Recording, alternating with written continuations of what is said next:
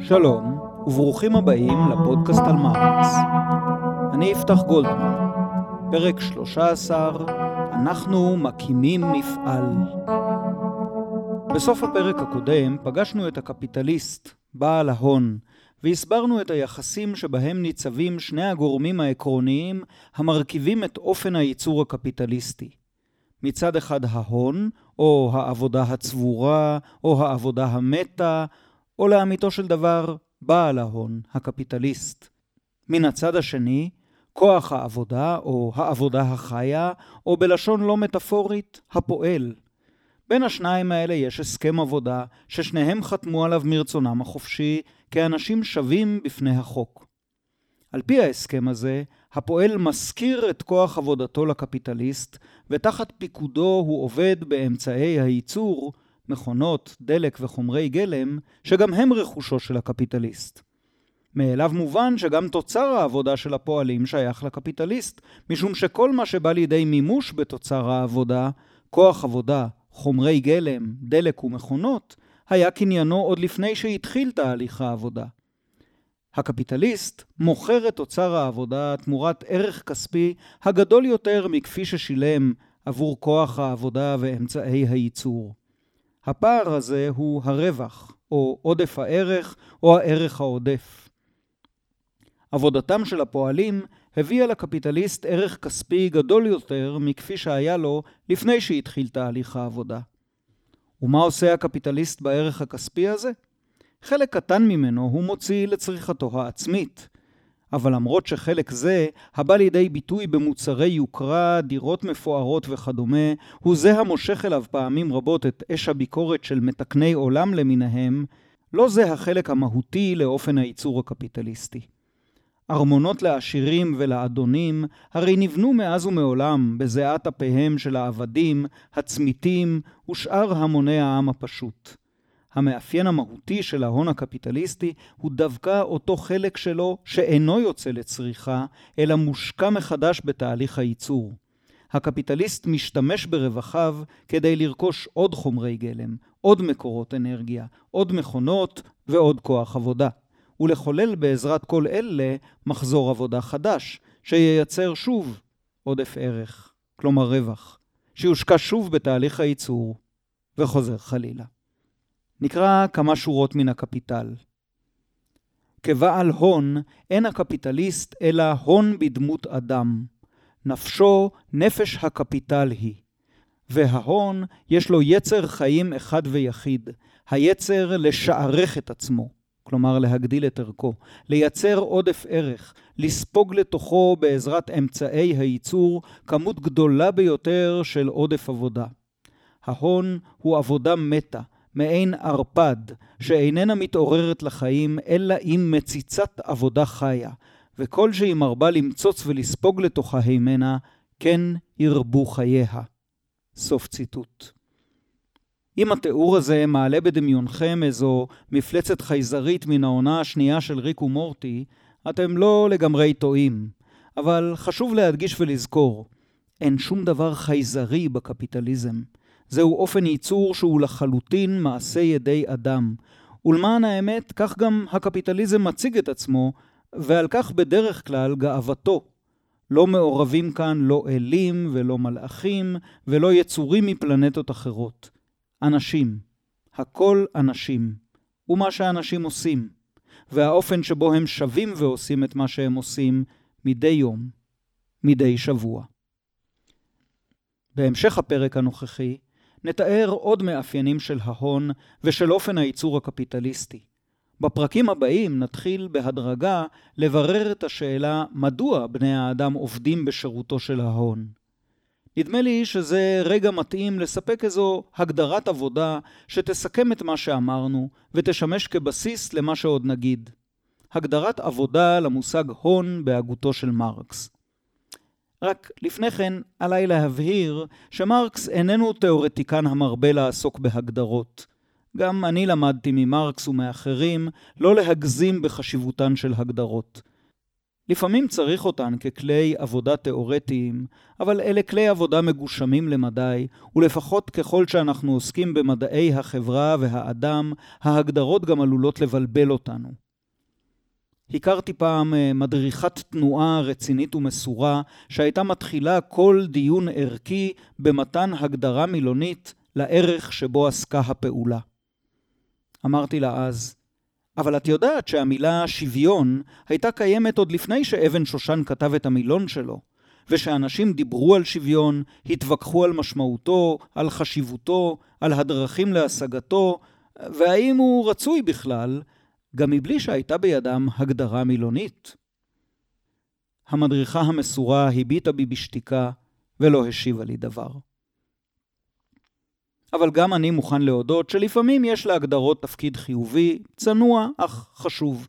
הן לא תנאי הכרחי לפתיחת הדיון, וגם לא מסכמות וסוגרות שום דיון חשוב. אבל לעיתים הן מאפשרות לדיון להתמקד ולהתקדם. לפעמים קוראים להגדרות כאלה הגדרות עבודה, וזה כינוי שמוצא חן בעיניי, במיוחד לאור העובדה שאני הולך לספק הגדרת עבודה לדבר שכבר הבנו שהוא ניגודה של העבודה. הגדרת עבודה להון.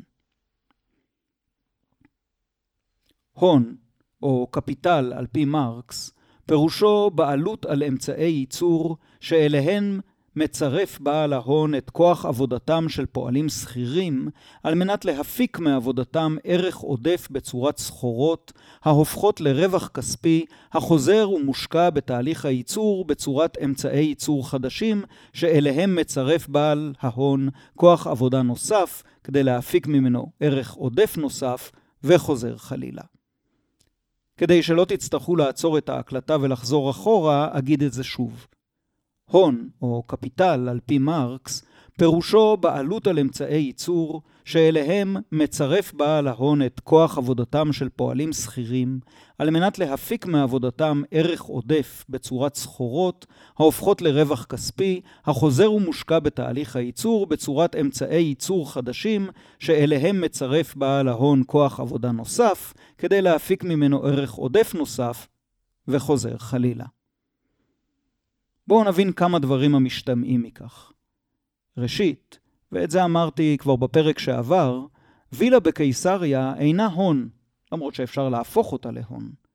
אם היא שייכת לקפיטליסט, נוכל לומר שהווילה מייצגת אותו חלק מן הערך העודף שלא הושקע מחדש בתהליך הייצור, אלא יצא לצריכה של בעל ההון. גם 50 מיליון דולר בבנק אינם הון, למרות שאפשר להפוך אותם להון, ובדרך כלל הבנק יודע מצוין איך לעשות זאת. גם 100 מכונות תפירה ואלף גלילי בד עדיין אינם הון. הם יהפכו להון רק כשמאה פועלים, או אולי פועלות, יעסקו בהפעלת המכונות הללו כדי לייצר סחורות. עניין הסחורות הוא חשוב. אם הפועלות הללו מפעילות את מכונות התפירה כדי לתפור חולצות לילדים שלהן, או לעצמן, או לאהובי ליבן, כי אז מכונות התפירה המשמשות אותן בעבודתן אינן הון, לפחות על פי תפיסתו של מרקס. אלפי החולצות שנתפרו במפעל הטקסטיל, גם הן אינן בדיוק הון. הן אחד מן השלבים של ההון, וכזהו גם השלב הבא, כשהחולצות נמכרות בכסף ומביאות לבעל המפעל רווח כספי. וכשהרווח הזה מושקע מחדש בתהליך הייצור על מנת לגרוף רווח נוסף, הוא מופיע בפנינו כהון במלוא מובן המילה. עכשיו בואו נעשה תרגיל המחשה קטן. מעין מודל. זהו מודל מופשט לחלוטין, וכל המספרים שיופיעו בו דמיוניים לגמרי. לא ננהג כמנהגם של הכלכלנים, המעדיפים להתבונן במודלים ולא במציאות, אלא רק נעזר במודל עד כמה שאפשר כדי להבין את המציאות, שבהכרח היא שונה ממנו. בתחילת הדרך יש במודל שלנו בעל הון אחד שהונו מסתכם במאה דולרים. במאת הדולרים האלה הוא רוכש אמצעי ייצור. אתם יכולים להחליט אם קנה תנורים ובצק, או מכונות תפירה וגלילי בד, או כל דבר אחר. זה לא משנה. על פי תנאי המודל, כל פועל ייצור מכלה במהלך מחזור ייצור אחד אמצעי ייצור בערך כולל של 20 דולר. מחזור ייצור הוא מכלול התהליך מתחילת העבודה על המוצר ועד למכירתו של המוצר המוגמר כסחורה. אתם יכולים להחליט אם המחזור הוא יומי, שבועי, חודשי או שנתי. גם זה לא משנה למודל. אז אם הקפיטליסט קנה אמצעי ייצור בערך כולל של 100 דולר, הוא יכול לצרף אליהם את עבודתם של חמישה פועלים. כי אמרנו שכל פועל מכלה במחזור אמצעי ייצור בערך של 20 דולר, חמישית ממאה. בעל ההון הזעיר שלנו שוכר לעבודה חמישה פועלים ומבטיח להם משכורת של עשרה דולר בסיום המחזור. הוא מקים בית מלאכה. במהלך מחזור הייצור, הפועלים הופכים בעבודתם את אמצעי הייצור למוצרים, לחמניות או חולצות או מה שתרצו. בסוף המחזור, לוקח הבעלים של בית המלאכה את המוצרים הללו ומוכר אותן כסחורות, ומקבל תמורתן 180 דולר. למה 180 דווקא? כדי לא לסבך אותנו שוב עם תורת הערך של העבודה, נגיד רק כי ככה החלטתי. יכולתי להחליט על סכום אחר, אבל בכל מקרה הסכום הזה היה חייב להיות גדול מ-160 כדי שהמודל יעבוד. עוד מעט תבינו למה. מה עושה בעל ההון שלנו עם 180 הדולר שבידו? קודם כל, הוא חייב לשלם משכורות. הוא הבטיח לכל הפועלים 10 דולרים, וביחד זה יוצא 50 דולר. ועכשיו עלינו לזכור שגם בעל ההון שלנו הוא בן אדם, וגם לו יש קיבה וצרכים, ואולי גם משפחה לפרנס. אבל בשלב הזה הוא בעל הון צנוע מאוד, ורמת החיים שלו דומה מאוד לזו של פועליו. גם הוא מסתפק בעשרה דולרים. כמה נשאר? 180, פחות 50 שכר הפועלים, פחות 10 מחייתו של הקפיטליסט, שווה 120 דולרים. את 120 הדולרים האלה, בעל ההון משקיע מחדש בתהליך הייצור כדי לחולל מחזור ייצור חדש. הוא קונה עוד אמצעי ייצור. במחזור הראשון היו לו אמצעי ייצור בסך 100 דולר בלבד, אז הוא נאלץ להסתפק בחמישה עובדים. אבל עכשיו, כשיש לו אמצעי ייצור בסך 120 דולר, הוא יכול לשכור לעבודה פועל נוסף. עכשיו יש לו כבר שישה עובדים, והם מייצרים עבורו סחורות בערך כולל של 216 דולר. הוצאות השכר שלו גדלו בעשרה דולרים כי נוסף לו פועל, ולכן הרווח הנקי שלו עומד בסוף המחזור, המכירה, תשלום המשכורות והצריכה האישית שלו על 146 דולר. עכשיו, במחזור השלישי, בעל ההון שלנו משקיע 146 דולר. זה מאפשר לו להעסיק שבעה פועלים ולהרוויח רווח נקי של 180 דולר להשקעה במחזור הבא. ברור לי שאתם לא מצליחים לעקוב אחרי המספרים. אני אשים טבלה המציגה את המודל הזה באתר של הפודקאסט על מרקס, אבל זה לא באמת חשוב. מה שחשוב הוא שתבינו כיצד רווח מוליד רווח נוסף מבעד לתהליך העבודה ואת אפקט כדור השלג של התהליך הזה. כאשר אנחנו מגיעים אל מחזור הייצור העשירי, בעל ההון שלנו, שהתחיל את דרכו עם 100 דולר וחמישה עובדים, כבר משקיע בייצור 740 דולר ומעסיק 37 עובדים. בית המלאכה הצנוע הפך למפעל. בשלב זה בעל ההון מקבל החלטה חשובה עבור עצמו, אבל כמעט חסרת השפעה על המודל. הוא מחליט להעלות את רמת חייו ב-300 עד היום הוא חי מ-10 דולר למחזור. מעכשיו יעניק לעצמו 30 דולר למחזור. כאמור, הגידול הזה כמעט ולא משפיע על תהליך הגדלת ערכו של ההון. עד למחזור החמישה עשר, בעל ההון כבר יצבור רווח נקי של למעלה מ-2,500 דולר ויעסיק כמעט 130 עובדים. במחזור החמישה עשר נגרמה לבעל ההון תקלה חמורה. חוק חדש שהתקבל בפרלמנט העמיד את שכר המינימום על 15 דולרים למחזור ייצור. בעל ההון, ששילם עד עכשיו רק 10 דולרים לכל פועל, צריך להגדיל ב-50% את משכורתם של עובדיו. לכך יש בהחלט השפעה ממתנת על קצב גידול ההון, אבל זו השפעה ממתנת בלבד. היא לא עוצרת את גידול ההון. במחזור ה-20 כבר יהיו לבעל ההון למעלה מ-3,000 דולר פנויים להשקעה, והוא יוכל להעסיק יותר מ-150 עובדים. 100 דולר הפכו בתוך 20 מחזורים ל-3,000 דולר.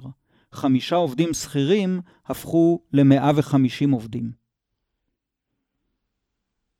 אז ככה עובד הקפיטליזם? ממש לא. ראשית אבקש להזכיר שאני לא מנסה בפודקאסט על מרקס להסביר כיצד עובד הקפיטליזם, אלא לכל היותר להסביר כיצד מרקס הסביר כיצד עובד הקפיטליזם.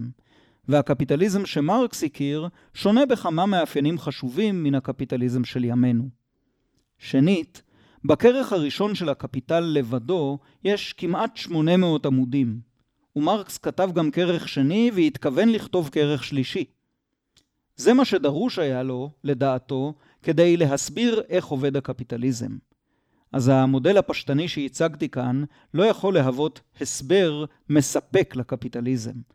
הוא כן יכול, ככל מודל טוב, להאיר לעינינו כמה היבטים מהותיים או תכונות מרכזיות של אופן הייצור הקפיטליסטי.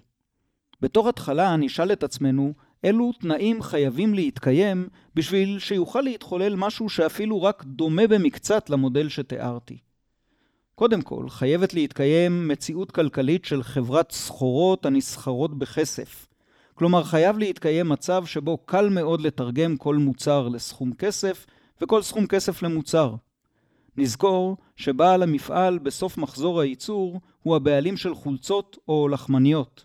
ועל מנת שיוכל להניע מחזור ייצור חדש, עליו להפוך במהירות וביעילות לבעלים של בד או של קמח. בחברה שאיננה חברת שוק, אין זה עניין פשוט כלל להפוך מוצר אחד לאחר, ואפילו חברה שכבר נהוג במטבע, אינה בהכרח חברת שוק מלאה. יש אגדה תלמודית יפה על נכדו של חוני המעגל שנקרא אבא חלקיה. לא אספר את כל המדרש כי הוא ארוך וקשור רק בעקיפין לענייננו. אספר רק שבשלב מסוים מסתבר לתלמידי החכמים המבקרים את אבא חלקיה, שאשתו של אבא חלקיה נמצאת במעלה של צדק או צדקה גבוהה משל בעלה הצדיק. הם תמהים על כך, אבל אבא חלקיה מסביר להם. האישה מצויה בבית, ונותנת פת לעני, וקרובה הנעתו. ואני נותן מעות לעני, ואין הנאתו קרובה. כלומר, בימים ההם העדיפו הקבצנים לקבל פרוסת לחם מאשר מטבעות. אין זה עניין פשוט וקל להשיג מטבע, אבל מטבע אי אפשר לאכול. ומסתבר מן המדרש שגם אין זה עניין פשוט וקל להפוך מטבע לפרוסת לחם. אז כאמור, הקפיטליסט שלנו יכול לשגשג רק בחברת סחורות, שבה אפשר בקלות רבה להפוך כל מוצר לכל מוצר אחר בתיווכו של הכסף. במציאות ההיסטורית שמחוץ למודל הפשטני שלנו, סדר חברתי-כלכלי המבוסס על סחורות ועל כסף נוצר באירופה בתהליך ארוך שראשיתו בסוף ימי הביניים. תנאי שני שצריך להתקיים הוא קיומם של אנשים שאינם יכולים לייצר לעצמם את אמצעי מחייתם, וגם אינם יכולים לייצר מוצרים לשוק הסחורות, משום שאין להם אמצעי ייצור משל עצמם, או נגישות לאמצעי ייצור. האנשים האלה, חסרי אמצעי הייצור, הם אלה המוכרים או משכירים את כוח עבודתם לקפיטליסט, והופכים לעובדים שכירים. גם דבר זה לא מובן מאליו. במשך מאות שנים באירופה, רוב האנשים שעבדו לקיומם היו איכרים צמיתים. השורש צדיק מ"ם ת' בעברית קרוב במשמעותו לשורש צדיק מ"ם ד'. הצמית הוא אדם שהוצמת, אדם שהוצמד. הוצמד אל מה? אל אמצעי הייצור שלו. כלומר, בעיקרו של דבר, אל האדמה, וגם אל בהמות החריש, המחרשה וכדומה.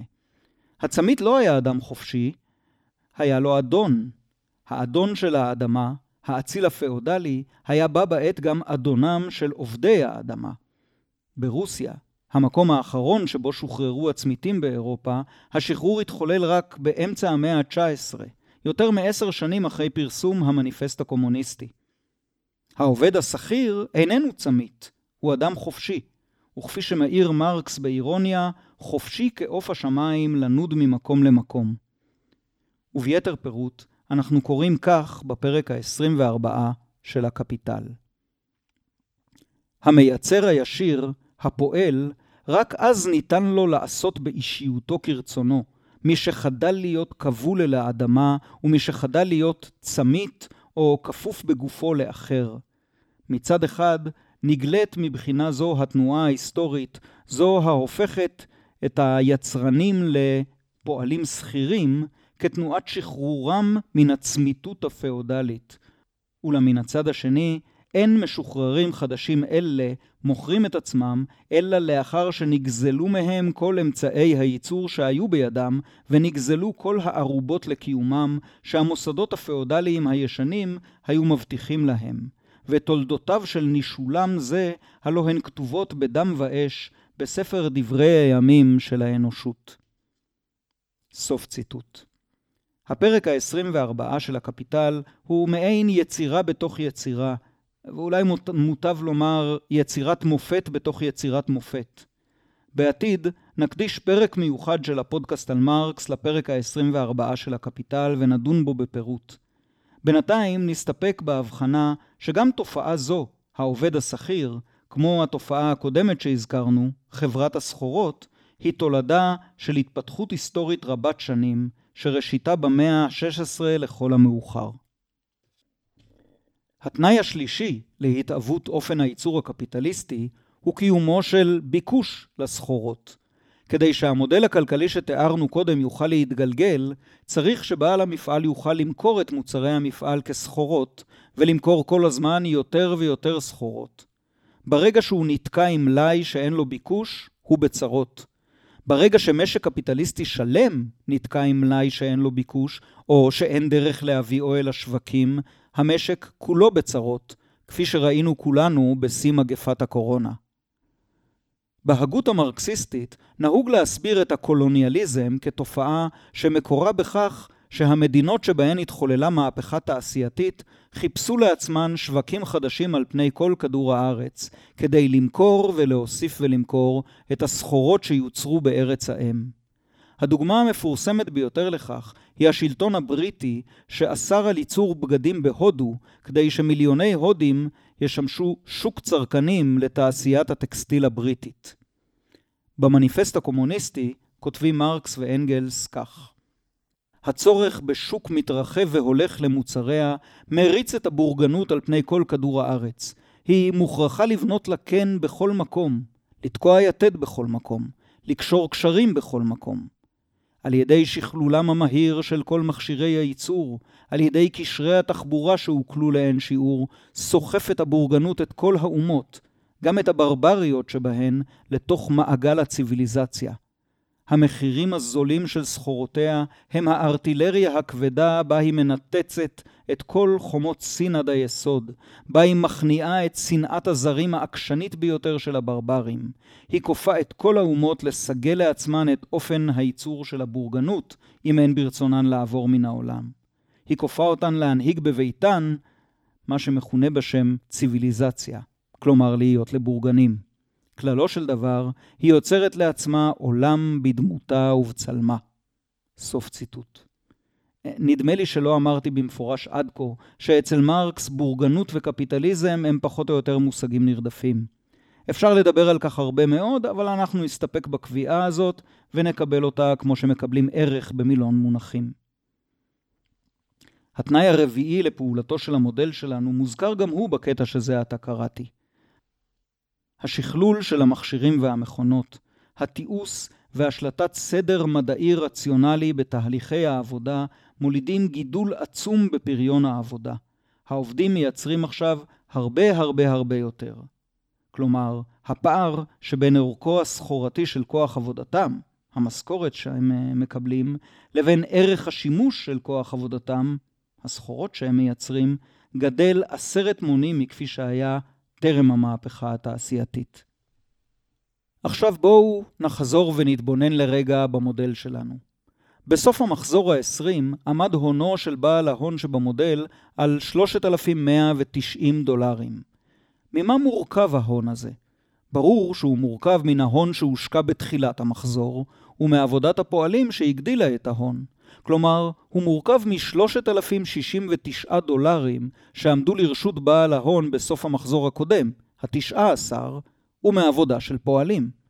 וממה מורכב ההון שעמד לרשותו של בעל ההון בסוף המחזור התשעה עשר? ברור שהוא מורכב מההון שהשקיע במחזור ובעבודת פועליו, כלומר, מן הרווח הנקי שהיה בידו בסוף המחזור ה-18, פלוס העבודה של הפועלים. אפשר להמשיך ולחזור כך בריקורסיה עד למחזור הראשון, שבו כזכור השקיע בעל ההון 100 דולרים. המסקנה המפתיעה היא ש-3,192 הדולרים שיש לבעל ההון בתום המחזור ה-20 מורכבים רק משני דברים, מ-100 דולר שהיו לו בהתחלה ומעבודתם של פועליו. באחוזים זה נשמע ככה: 97% ממגדל ההון של הקפיטליסט במודל שלנו הם פרי עבודתם של הפועלים. הקפיטליסט עצמו תרם לפרויקט רק 100 דולר, שהם 3% בלבד. כשהדברים מוצגים באופן זה, ייתכן שעולה בדעתכם השאלה, האם זה צודק? וייתכן שאתם קצת מבולבלים. מצד אחד, הכל כאן נראה תקין לגמרי. בעל המפעל לא שולט על עובדי כפייה. הוא הגיע להסכם עבודה מכובד עם כל אחד מן העובדים שלו, והעובד נכנס לעבודה במפעל מרצונו החופשי. בעל המפעל גם הקפיד לשלם את המשכורת שהתחייב עליה ולשלמה במועד, הוא אפילו העלה את המשכורות מתוך ציות לחוק והתנהלות אזרחית למופת. מצד שני, משהו כאן מקומם את תחוש הצדק שלנו. איך ייתכן שזה שתרם למפעל רק את ההון ההתחלתי שלו, נהנה מכל היתרונות, בעוד שאלה שדחפו את הפרויקט הכלכלי קדימה בעבודתם, שרויים בדלות, או לפחות בדלות יחסית? האם זה פייר? שואלים חברי להקת כוורת, ומשיבים במקומכם, אתם לא יודעים. אז בואו נתעכב קצת על הסוגיה הזאת. אם הסתערות חזיתית לא נותנת לנו תשובה, הבה ננסה דרך עקיפין. ואפילו דרך עקיפין עקיפה למדי. סמנו לכם את הנקודה שממנה מתפצלת דרכנו, וצאו איתי בשביל חדש. אני רוצה לספר לכם על בחור בשם הנרי. הנרי חי באנגליה לפני שנים רבות. לאנשי תקופתו לא היו הרבה מילים טובות להגיד על הנרי. הוא היה אדם מאוד מאוד לא נחמד, וחוץ מזה היה חדל אישים גמור, הססן, הפכפך, רתחן וטיפש. ובכל זאת, כל האנשים באנגליה עשו כל מה שהנרי אמר להם לעשות. דברו היה חוק. וכשסוף סוף קם מישהו וניסה להתקומם נגד הנרי, זה הסתיים במותו של המורד ובהשחתת גופתו. ומדוע כל האנשים סרו למרותו של הנרי? הסיבה העיקרית לכך הייתה סבא של הנרי. גם לסבא של הנרי קראו הנרי. שלא כמו הנכד שלו, הוא דווקא היה אדם בעל שיעור קומה, וגם הוא נהנה מכך שכל האנגלים צייתו לו, פרט לשלושת הבנים שלו, אבל זה כבר סיפור אחר. ומדוע הנרי הזה, הסבא, זכה לכך שכולם יצייתו לו? כי גם לא היה סבא שקראו לו הנרי, וגם ההנרי ההוא זכה לכבוד הזה. וזה לא כל כך בגלל סבא שלו, אלא בעיקר בגלל אבא שלו. שלא קראו לו הנרי, קראו לו ויליאם. ויליאם היה בנו הממזר של דוכס נורמנדיה. ומה עשה אותו ממזר? הוא גייס צבא, חצה את תעלת למאנש, הביס בקרב את הצבא האנגלי והרג את המלך, ואז הכריז על עצמו כעל מלך אנגליה. זה ויליאם הכובש המפורסם. ושלושת ההנרים שהזכרתי לפניו הם בנו של ויליאם, הנרי הראשון, נכדו של הנרי הראשון, הנרי השני, ונכדו של הנרי השני, הלו הוא הנרי השלישי, שבו פתחנו. והנה השאלה, האם היה זה מן הצדק שכל אנשי אנגליה סרו למרותו של הנרי השלישי הטיפש והמעצבן? מסתבר שבמושגי אותה תקופה זה בהחלט היה צודק. עד כדי כך צודק, שהמרד נגד הנרי נכשל, בין שאר סיבות, מהיעדר לגיטימציה. אי אפשר, פשוט אי אפשר למרוד במלך ולהיחשב לצודק. לנו, היום, זה נשמע כמעט בלתי נתפס שהנרי השלישי זכה לשררה כזאת. לעומת זאת, שלטונו של הנרי פורד על האימפריה הכלכלית של חברת המכוניות פורד נראה לנו הגיוני וצודק בתכלית. ועכשיו בואו נבחן דוגמה נוספת. הפעם דוגמה דמיונית, אבל אקטואלית. נחשוב על בחור בשם שחר בישראל של ימינו, שבה מתקיימות בכל שנה בחירות כלליות. ונוסיף לסיפור מועמד נמרץ בשם שרגא בורסוד, המקים רשימה לכנסת. מי שנולד לפני 1965 או אחרי 1970, כנראה לא יודע מיהו שרגא בורסוד המקורי, אבל זה לא חיוני לסיפור. שרגא מציע לשחר הצעת עבודה ליום הבחירות. אתה תצביע בקלפי עבור הרשימה שלי, ואני אתן לך אלף שקל במזומן. כמובן ששרגא בורסוד לא מסתפק בשחר, וממש כמו הקפיטליסט במודל שלנו, הוא מבקש להרחיב את צבא העובדים בשבילו, ומגייס גם את רז, את גל, את יובל ועוד רבים אחרים.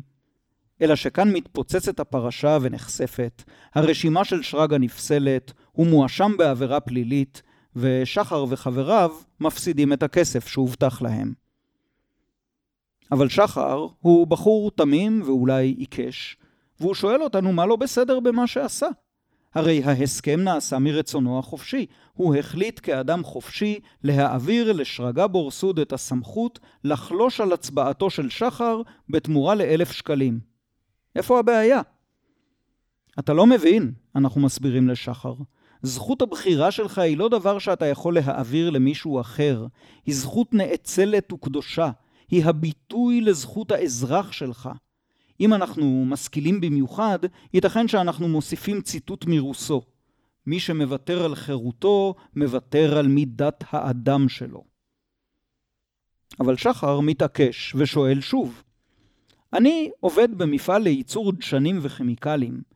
אני נותן למנהל המפעל, שהוא שלוחו של הבעלים, לשלוט על פעילותי ולפקד עליי במשך שמונה שעות בכל יום, חמישה ימים בשבוע, חמישים שבועות בשנה, וזה יימשך לאורך כמעט חמישים שנה. כל זאת אני עושה בתמורה לסכום הצנוע של ששת אלפים שקלים בחודש. וזה, אתם אומרים, חוקי וצודק ובסדר גמור וסבבה. אבל כשאדון שרגא בורסוד רוצה לשלוט על הפעילות שלי במשך עשר דקות שבהן אני מצביע בקלפי, ולשלם לי על כך שישית מן המשכורת החודשית שלי, אתם מתערבים ואומרים שזה אסור? לא צודק? לא מוסרי? לא חוקי? לכאורה, כל הסיפורים הללו על הנרי השלישי מלך אנגליה ועל שחר מדימונה רק מבלבלים אותנו. הרי השאלה שממנה יצאנו לסיבוב הזה הייתה האם אופן הייצור הקפיטליסטי הוא צודק. ובכן, הסיבה שסיפרתי לכם את הסיפורים היא לא כדי לשכנע אתכם שהנרי השלישי צודק או שהוא לא צודק, או ששחר צודק או לא צודק, אלא להראות שתפיסת הצדק משתנה באופן היסטורי, שמה שנחשב לצודק בחברה ובתקופה מסוימת עשוי להיראות מאוד בלתי צודק בתקופה אחרת. מרקס היה מוסיף על כך כמובן, שתפיסת הצדק בכל תקופה ובכל חברה משקפת, לפחות באופן מסוים, את הבסיס הכלכלי של החברה, את אופן הייצור. ואם כך, אין שום דבר מתמיהה בזה שהקפיטליזם נראה לנו מוצדק כשאנחנו חיים בתוך אופן הייצור הקפיטליסטי.